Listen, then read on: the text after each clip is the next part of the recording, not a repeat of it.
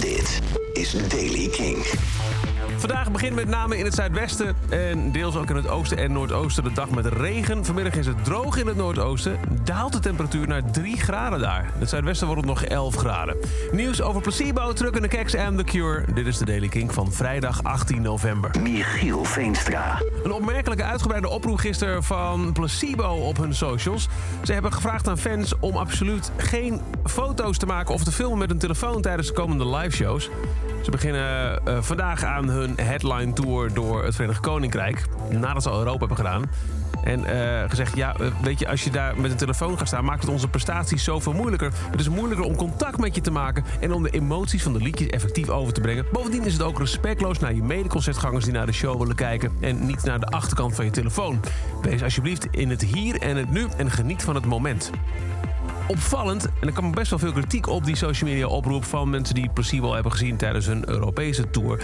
Want ook al was daar al een mobiele telefoonverbod van kracht, de band maakte nauwelijks interactie.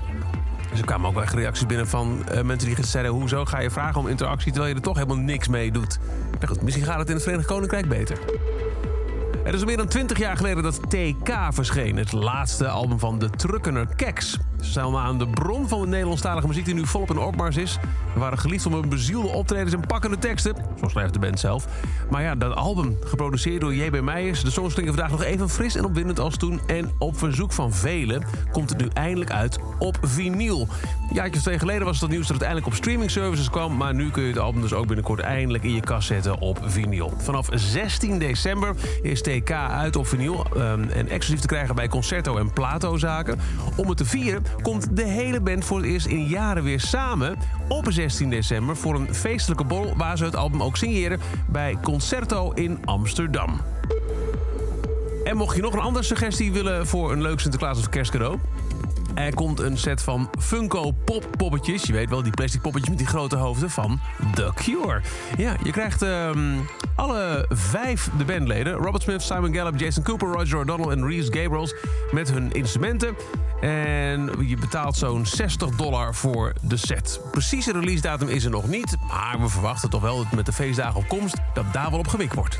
En dat is over dan deze editie van The Daily Kink.